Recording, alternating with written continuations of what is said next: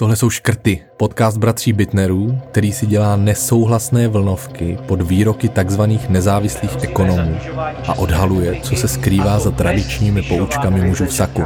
V našem podcastu budeme cupovat pohádky o tom, že k prosperitě se dá proškrtat, že státní duch je jako kontokoren, že nízké daně jsou vždycky lepší než vysoké, že s inflací se bojuje s mrazováním platů, nebo že krizi bydlení vyřeší výstavba luxusních apartmánů. Poslouchejte škrty, než škrtnou i vás.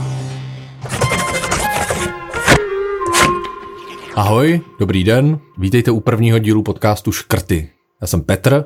Já jsem Honza.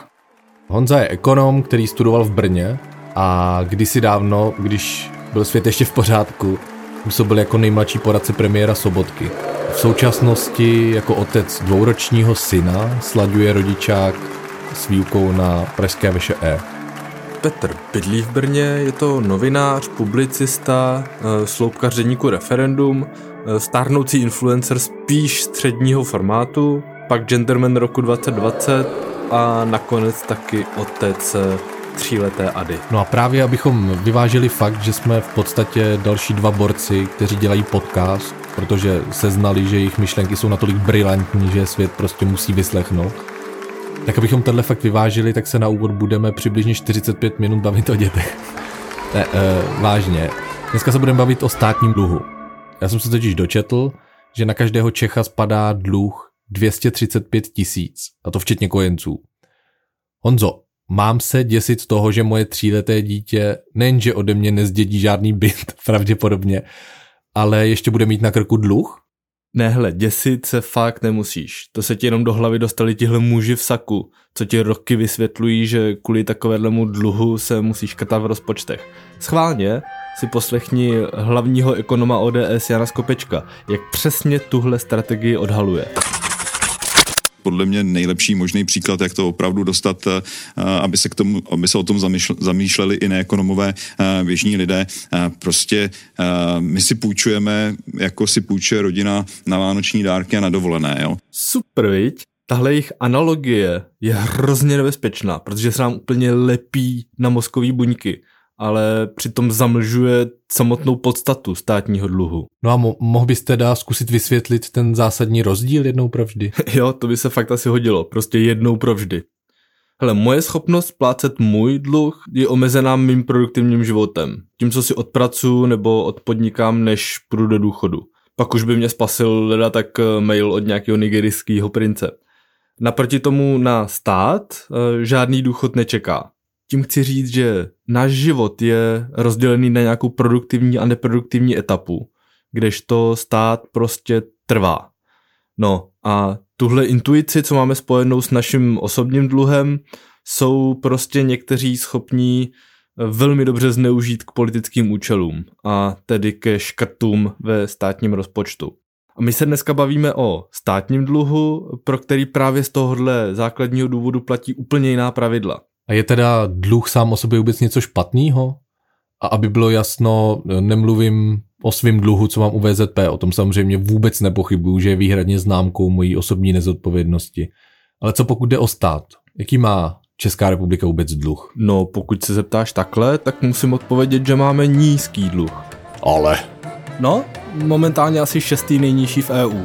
Pro zajímavost, asi třetinový oproti Belgii. A překvapivě nikdo nevaruje, že se vydáváme nějakou belgickou cestou. Tak ona, belgická cesta zní jako procházka městem, slávky na víně, hranolky v kornoutu, karton pralinek a 420 stupňový piva bez pěny. To dneska člověka nevystraší Honzo, takovýhle scénář. Sice nevystraší, ale někoho by přece jenom mohlo napadnout, že jo, máme daleko nižší dluh než Belgie, ale za to to tady jako v Belgii úplně nevypadá. A to není jenom Belgie, to jsou skoro všechny země na západ od nás. Prostě, nízký dluh je nám k ničemu, když je vykoupený, řekněme, pod financováním veřejných služeb. E, na co je mě nízký státní dluh, když nemám kam dát dítě do školky, když e, pro ně nemůžu sehnat zubaře, nebo když obce nemají na opravu obecních bytů. Když se vrátím k té tvý otázce, tak e, to funguje na obě strany. Nízký dluh není sám o sobě skvělá věc, ale stejně tak vysoký dluh není sám o sobě úplná hrůza. Musí být ale udržitelný A co to je udržitelný dluh, to si asi ještě dneska vysvětlíme. Posloucháte Škrty, podcast bratří Bitnerů, který si dělá nesouhlasné vlnovky. Dobře, padla tady věta, vysoký dluh není žádná hrůza, ze které by se třeba Václavu Klausovi mohlo v jeho věku dost výrazně přitížit. Zdravíme při poslechu, pane profesore. Dobrý den, vážení a milí posluchači. Doufám, že si taky děláte nesouhlasné vlnovky. Premiér Fiala v předvolební kampani sliboval zatočit s astronomickým dluhem. Spolu zastavíme hrozivé zadlužování České republiky a to bez zvyšování daní. No vidíš, a ty tady takhle, Honzo. Jak moc bychom museli být zadlužený, abys i ty uznal, že by bylo záhodno trochu přibrzdit? Aha, slovo přibrzdit to spoužil dobře, to se mi teď hodí. Protože, eh, jak jsem mluvil o té udržitelnosti dluhu, tak eh, to se netýká tak úplně velikosti toho dluhu, jako spíš nějakého jako procesu, dynamiky toho dluhu. Takovou chvíli nás má hlavně zajímat, kam ty peníze jdou. Eh, no a kam teda jdou ty výdaje, když máme velký dluh a současně dysfunkční stát? A mám tomu rozumět tak, že kdybychom se teď zadlužili, abychom resuscitovali zdravotnický systém, tak je to OK? No, to je ten průšvih, protože odpověď je ne. Eh, my jsme se totiž dostali už do situace, kdy ten dluh roste neúměrně tomu, co za něj dostáváme. Vtip je v tom, že neroste kvůli zdravotnictví po pandemii, ani kvůli snaze řešit krizi bydlení nebo rostoucí ceny potravin a energií, ale kvůli tomu, že minulá poslanecká sněmovna snížila daně. Hmm, to zní docela blbě. A moje první myšlenka samozřejmě míří k takzvané mojí oblíbené osobní odpovědnosti – můžu s tím já něco dělat? Nebo kdo by teda měl? Brašle, ty se fakt, prosím, soustřeď na ten svůj dluh u VZP. Státní dluh, to je trochu jiná písnička. Eh, ten, i když se teď brutálně zvětšuje, tak eh, jsme pořád relativně méně zadlužený než ostatní země. Čili máme nějaký polštář nebo, nebo polštářek. Musím ale zdůraznit to slovo relativně, eh, čili ve vztahu k ostatním. Kdyby jsme totiž měli dluh, jako máme teď, ale státy kolem nás by ho měli třeba třetinovej, eh, tak jsme nahraný a musíme jít žádat o, o mezinárodní pomoc, jako to nechválně známý Řecko v roce 2009. Teď se na mě tváříš dost zmateně, tak eh, já to asi trochu schrnu, jo? Náš problém není výše, ale dynamika státního dluhu. V týmy teď dost vynikáme, což eh, může být dost problém do budoucna, protože nás čekají vyšší náklady spojený se stárnutím populace, ale něco si vyžádají i jako současné krize, jako je pandemie nebo válka. Nebo smrtící včely, asteroid. No, eh, v takových chvílích momentální výše státního dluhu ne, ne, ne no prostě nerezonuje s takovou naléhavostí. E, protože se může velmi rychle rozrůst, jak jsme se naučili v pandemii. Best in dluh se může velmi rychle obrátit ve worst in dluh. And, uh, and we have results before. Best in dluh. Prašule, neudělal bys teďka takový infobox s číslama, jak na tom Česko s dluhem je? Jdeme na to. Upozorňujeme, že následující segment může obsahovat čísla. Státní dluh vzniká hromaděním každoročních rozpočtových deficitů. Činí zhruba 2,5 bambilionu korun, což odpovídá 40% HDP. Výdaje na zprávu dluhu, čili především úroky, které stát musí platit, činí asi 42 miliard ročně. Bohužel, vzhledem k dynamickému růstu našeho dluhu i tyto úroky postupně narůstají. Průměrně dluhopisy nesou výnos 1,6%, a stát si půjčuje na 6,5 roku dopředu. Nejvyšší dvouciferný výnos nese dluhopis republiky, který ještě ministrně Schillerová vydala před Vánoci jako dárek pro majetné Čechy. Z úroky na svých spořicích účtech si porovnejte sami. Státní dluhopisy drží ze tří čtvrtin Češi, teda ne typičtí Češi, konkrétně banky a finanční instituce. Domácnosti nedrží ani 2% dluhopisu. Zbytek představuje zahraniční dluh, který ze 68% drží Britové a Lucemburčani. Banky a finanční instituce sídlící v Londýně a Lucemburku. Všechno chápu, ale uznej, brašule, že samo slovo dluh obecně nevěstí nic dobrýho, ne? Já z toho mám takový pocit, že to je průser. Už jen když to slyším, hnedka mi naskočí exekuce a Řecko. No jasně, protože jsi to z té hlavy ještě nedostal, ale já už ti to na začátku vysvětloval, Peťo. Politici a ekonomové, kteří chtějí škrtat, co jim přijde pod ruku, schválně používají tenhle apokalyptický jazyk. Jejich metafory pak vytváří obavy spádu do nějaký spirály. To je prostě strašení lidí. A tím spíš v zemi, kde si exekutor přijde klidně na desetinásobek platu učitelky matematiky. Takže přirovnání státního dluhu k rodinnému dluhu vlastně zneužívá naše intuice k čistě ideologickým závěrům. Český stát je na dluhu závislý. Už by se bez něj neobešel. Je to něco jako narkoman bez drogy. A kdybys to teda měl jednoduše schrnout, proč teda není státní dluh jako rodinný dluh? A mohl bys to demonstrovat nad nějakým srozumitelným příkladu? Jasně. A ten příklad budeš ty. Sváně se tě na něco zeptám. Když by si šel pro hypinu, to jsem jednou dělal. V přestrojení za sebe jsem kvůli reportáži předstíral, že potřebuju hypotéku a bylo to hodně autentický, nikdo nic nepoznal v podstatě. Tak a teď si představ, že by ti ta banka nakonec půjčila, což předpokládám, že by neudělala žádná uh, rozumná banka. Na jak dlouho by ti půjčila? Uh, nevím, 30 let? Možná, tak nějak. Protože předpokládá, že po těch 30 letech už budou tvé příjmy jenom horší. Banka ti půjčí, dokud bude věřit, že budeš schopný splácet. Jasně, a na rozdíl ode mě stát neumře, že jo? E, proč teda ale nechtěli banky půjčovat Řecku? To je správná otázka, na kterou já jednoduše odpovím. Protože prostě Řecku nevěřili. Nevěřili mu, že bude schopný splácet ten svůj dluh i z úroky. A tak mu nepůjčili, i když v té době mělo Japonsko třikrát větší zadlužení. Japonsku prostě banky věřily. A to je důvod, proč bychom se my neměli dneska nechat ukolíbat eh, naším nízkým dluhem. Můžu tě uklidnit, Honzo, tady se nikdo ukolébat nízkým dluhem nenechává, co tak koukám. Já tím chci říct, že bychom měli brzdit. Ale to nemusí hnedka znamenat škrtání e, sociálních dávek nebo spoluúčast ve zdravotnictví. Nabízí se třeba zvýšení některých daní, majetkových, ekologických, co si vymyslíš? Eh, nebo prostě víc zdanit bohatý. Zvýšení daní v reakci na tu bezprecedentní úlevu bohatým nám mimochodem doporučuje i Mezinárodní měnový fucking fond, což, jak víme z historie, organizace s hodnotovým žebříčkem exekučního mafiána. Takže zvyšování daňových příjmů místo škrtání. No jo, ale my jsme přeci místo toho zrušili superhrubou mzdu. Tak kde to jsme? Proč si to děláme?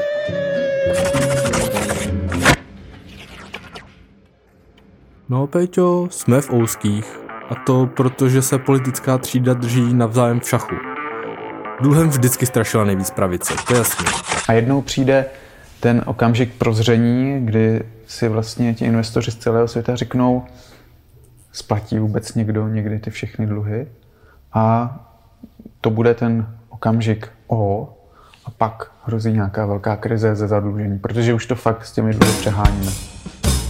A není tajemství, že teď nás nejvíc zadlužuje zrovna zákon z dílny ODS. To znamená to zrušení superhrubé mzdy, ale nejenom to, protože s ním v tom balíčku bylo i zrušení daně z nabití nemovitosti a další víceméně populistický, případně ideologický e, změny z konce předminulého roku. Ty šachy se skrývají v tom, kdo pro tyhle nesmyslné daňové úlevy pro bohatý hlasoval. Kromě ODS to totiž byla i současná opozice, to znamená ANO a SPD. E, ti tak budou tomu růstu dluhu v klidu přihlížet, protože bude padat na hlavu vládě. No a vláda, tak e, ta je vázaná programovým prohlášením a má ministra financí za ODS, který si do toho prohlášení prosadil, že potenciální kritici, to znamená Piráti, Topka, KDU a starostové, tak ti musí dělat, že to nevidí. Jako společná politika ANO a ODS, to mi připomíná, jako když se popisuje vznik tornáda nebo pát letadla. Prostě se musí sejít několik obzvlášť nešťastných okolností. No ale ve výsledku je z toho člověk trochu zmatený. Eh, jak je to teda s tím, že levice zadlužuje a pravice spoří? Vezmu to postupně. Zadlužování je jako akceptování všech cookies. Nikdo to nedělá rád, ale dělají to všichni. Existuje přirozená tendence vybírat větší daně s tím, jak roste vyspělost země. to je spojené se stárnutím populace, eh, které je zase důsledkem kvalitního zdravotnictví a životního stylu se sociální péčí, s kvalitním vzděláváním a tak dále. To ale neznamená, že musí nutně vznikat nějaká nerovnováha, protože příjmy i výdaje mohou růst společně. Problém nastane, když se před volbami spojí, řekněme, populistická pravice s populistickým eh, čímsi a sníží každoročně příjmy o 150 miliard korun. To je prostě potom těžký. Mně z toho vychází, že když vyspělejší státy zvyšují výdaje, tak to znamená, že stát je v principu schopný zlepšovat kvalitu života. A to je věc, kterou neoliberální ideologie v principu spochybňuje nebo odmítá. Já sice nevím, co dělá neoliberální ideologie, za to vím, že kvalita života se docela určitě odvíjí od dostupnosti zdravotní péče. Nebo v našem případě třeba od možnosti dát dítě do školky, eh, kde se o něj dobře postarají a nebude nás to stát Mailand. Ale pro zjednodušení kvalitu života prostě poznáš podle toho, co se bude dít, když ti prasne slepák. Super, slepák, to je myslím eh, ideální příklad kvality života. Výborně Honzo. Čili měli jsme tady covid, teď slepák a my pokračujeme v podcastu, ve kterém uslyšíte ty nejlepší analogie, které vám zaručeně zlepší den. Ty jsi říkal, že nejbohatší země vybírají vyšší daně, ale mně se nezdá, že bychom po snížení daní schudli. Já jsem sice podnikatel podle vzoru pana inženýra Švarce, ale zaměstnanci si přišli na víc než tisícovku měsíčně, ne? Tak za prvé, ne, na tisícovku si přišli ti s průměrným příjmem. Spousta nízkopříjmových si nepřišla ani na korunu, e, většinou to byly domácnosti s dětmi, protože ty už čerpají slevu na dani. A pětina nejhůř placených zaměstnanců, ta vydělala průměrně asi pětistovku měsíčně. Přitom eh, pětina těch nejbohatších zaměstnanců vydělala 4 tisíce měsíčně. O používání slova průměrný v ekonomii by se dal natočit podcast. Podcastu sice nemůžu promítat prezentaci s grafama a číslama, ale zkusím to nějak polopaticky ilustrovat. Představ si, že před tebou stojí pět lidí, eh, reprezentujících zaměstnance od těch nejchudších po nejbohatší a ty jim chceš v reakci na COVID eh, pomoct snížením daní. A dejme tomu, že máš stanovený budget na 100 tisíc. Víš, kolik bys dal tomu nejchudšímu, na kterého cílíš? 4 tisíce. A tomu nejbohatšímu, který to vlastně tolik nepotřebuje, 36 tisíc. Tohle, to je ten slavný průměr, který říká, že si každý přijde na tisícovku. Já normálně nerad zabrušuju do tématu utahování a povolování opasku, je to pro mě hodně osobní a citlivé téma, ale přijde ti, že to hlásání nutnosti utahovat opasky pořád funguje? Věří tomu ještě někdo, když lidi vidí, že se akorát snižují daně bohatým? No já si právě myslím, že už moc ne, protože se ukázalo, že se to lidem moc nelíbí. Tak se teď mluví o hubnutí státu. Poslouchej. S mým plánem nasadíme státu hubnoucí kůru. Osekáme výdaje a byrokratickou džungli. Jsou to sice jiná slova, ale znamenají to stejné. To je pravda. Mě to hubnutí státu připomíná takový ten produktivní asketismus, který je teď trendy. E, ne utahování opasků, což značí spíš hlad a odpírání, ale spíš takový to, že jde člověk do sebe a začne na sobě makat. Koupí si v Decathlonu reflexní soupravu a začne běhat v parku tři dny. Tři dny jsou ještě dobrý, pokud jde o běhání v parku. Ale zpátky k hubnutí státu. To, co mě totiž štve úplně nejvíc, tak je to, že stejný lidi, kteří snižovali daně o pět tisíc měsíčně lidem, který berou prostě šest cifer, tak jedním dechem obhajují snížení platů státních zaměstnanců, reálně klidně o 10% a víc, s tím, že se pohybujeme v určité rozpočtové realitě, nebo že na to prostě nejsou peníze. Nejbohatším zaměstnancům tak rozdali desítky miliard, ale lidem na hygienách nebo kuchařkám ve škole těm zmrazili platy a tím ušetřili neuvěřitelných 5 miliard ročně. Takhle rozpočtově zodpovědný bychom měl být taky, ale když se stavujete státní rozpočet, tak eh, tam jde přeci jenom trochu o víc, protože přeci jenom rozhodujete o tom, jestli budou mít lidi na účty za topení nebo na nájem v příštím roce. A na to, na to už bych žaludek teda fakt neměl. Co teda odpovědět, když mi bude v debatě někdo tvrdit, že stát je rozpočtově nezodpovědný? Můžeš odpovědět, že je, ale protože se zadlužuje snižováním daní bohatým. Hle, dokud stát ze svých příjmů nedokáže zajistit dostatek míst ve školkách, tak ať se klidně zadluží. Takový dluh je podle mě naprosto morální. Až potom, ať řeší, jestli by to náhodou nešlo bez zadlužování. Tohle byly škrty, ekonomický podcast Bratranců ve Verkových, jehož závěr zní neškrtat. Řekněte o nás svým rodičům. A dětem. Příště se totiž zaměříme na téma inflace. Já jsem ku příkladu zjistil, že plíny už jsou tak drahý, že už fakt musím naučit Amo se chodit na nočník. To bude pro všechny jednodušší a hlavně levnější. Boží. Těšíme se, že, že nám v příštím díle řekneš, jak to dopadlo. A hlavně, proč už si ani ekonomové s červeným diplomem nemůžou dovolit zaplatit plíny. Tak už za měsíc.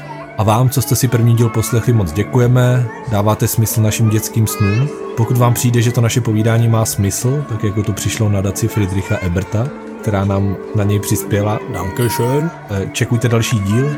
Nejlíp tak, že si nás zalajkujete, nazdílíte a odeberete. A my už se taky pomalu odebereme, tak nás mějte rádi. Prosím.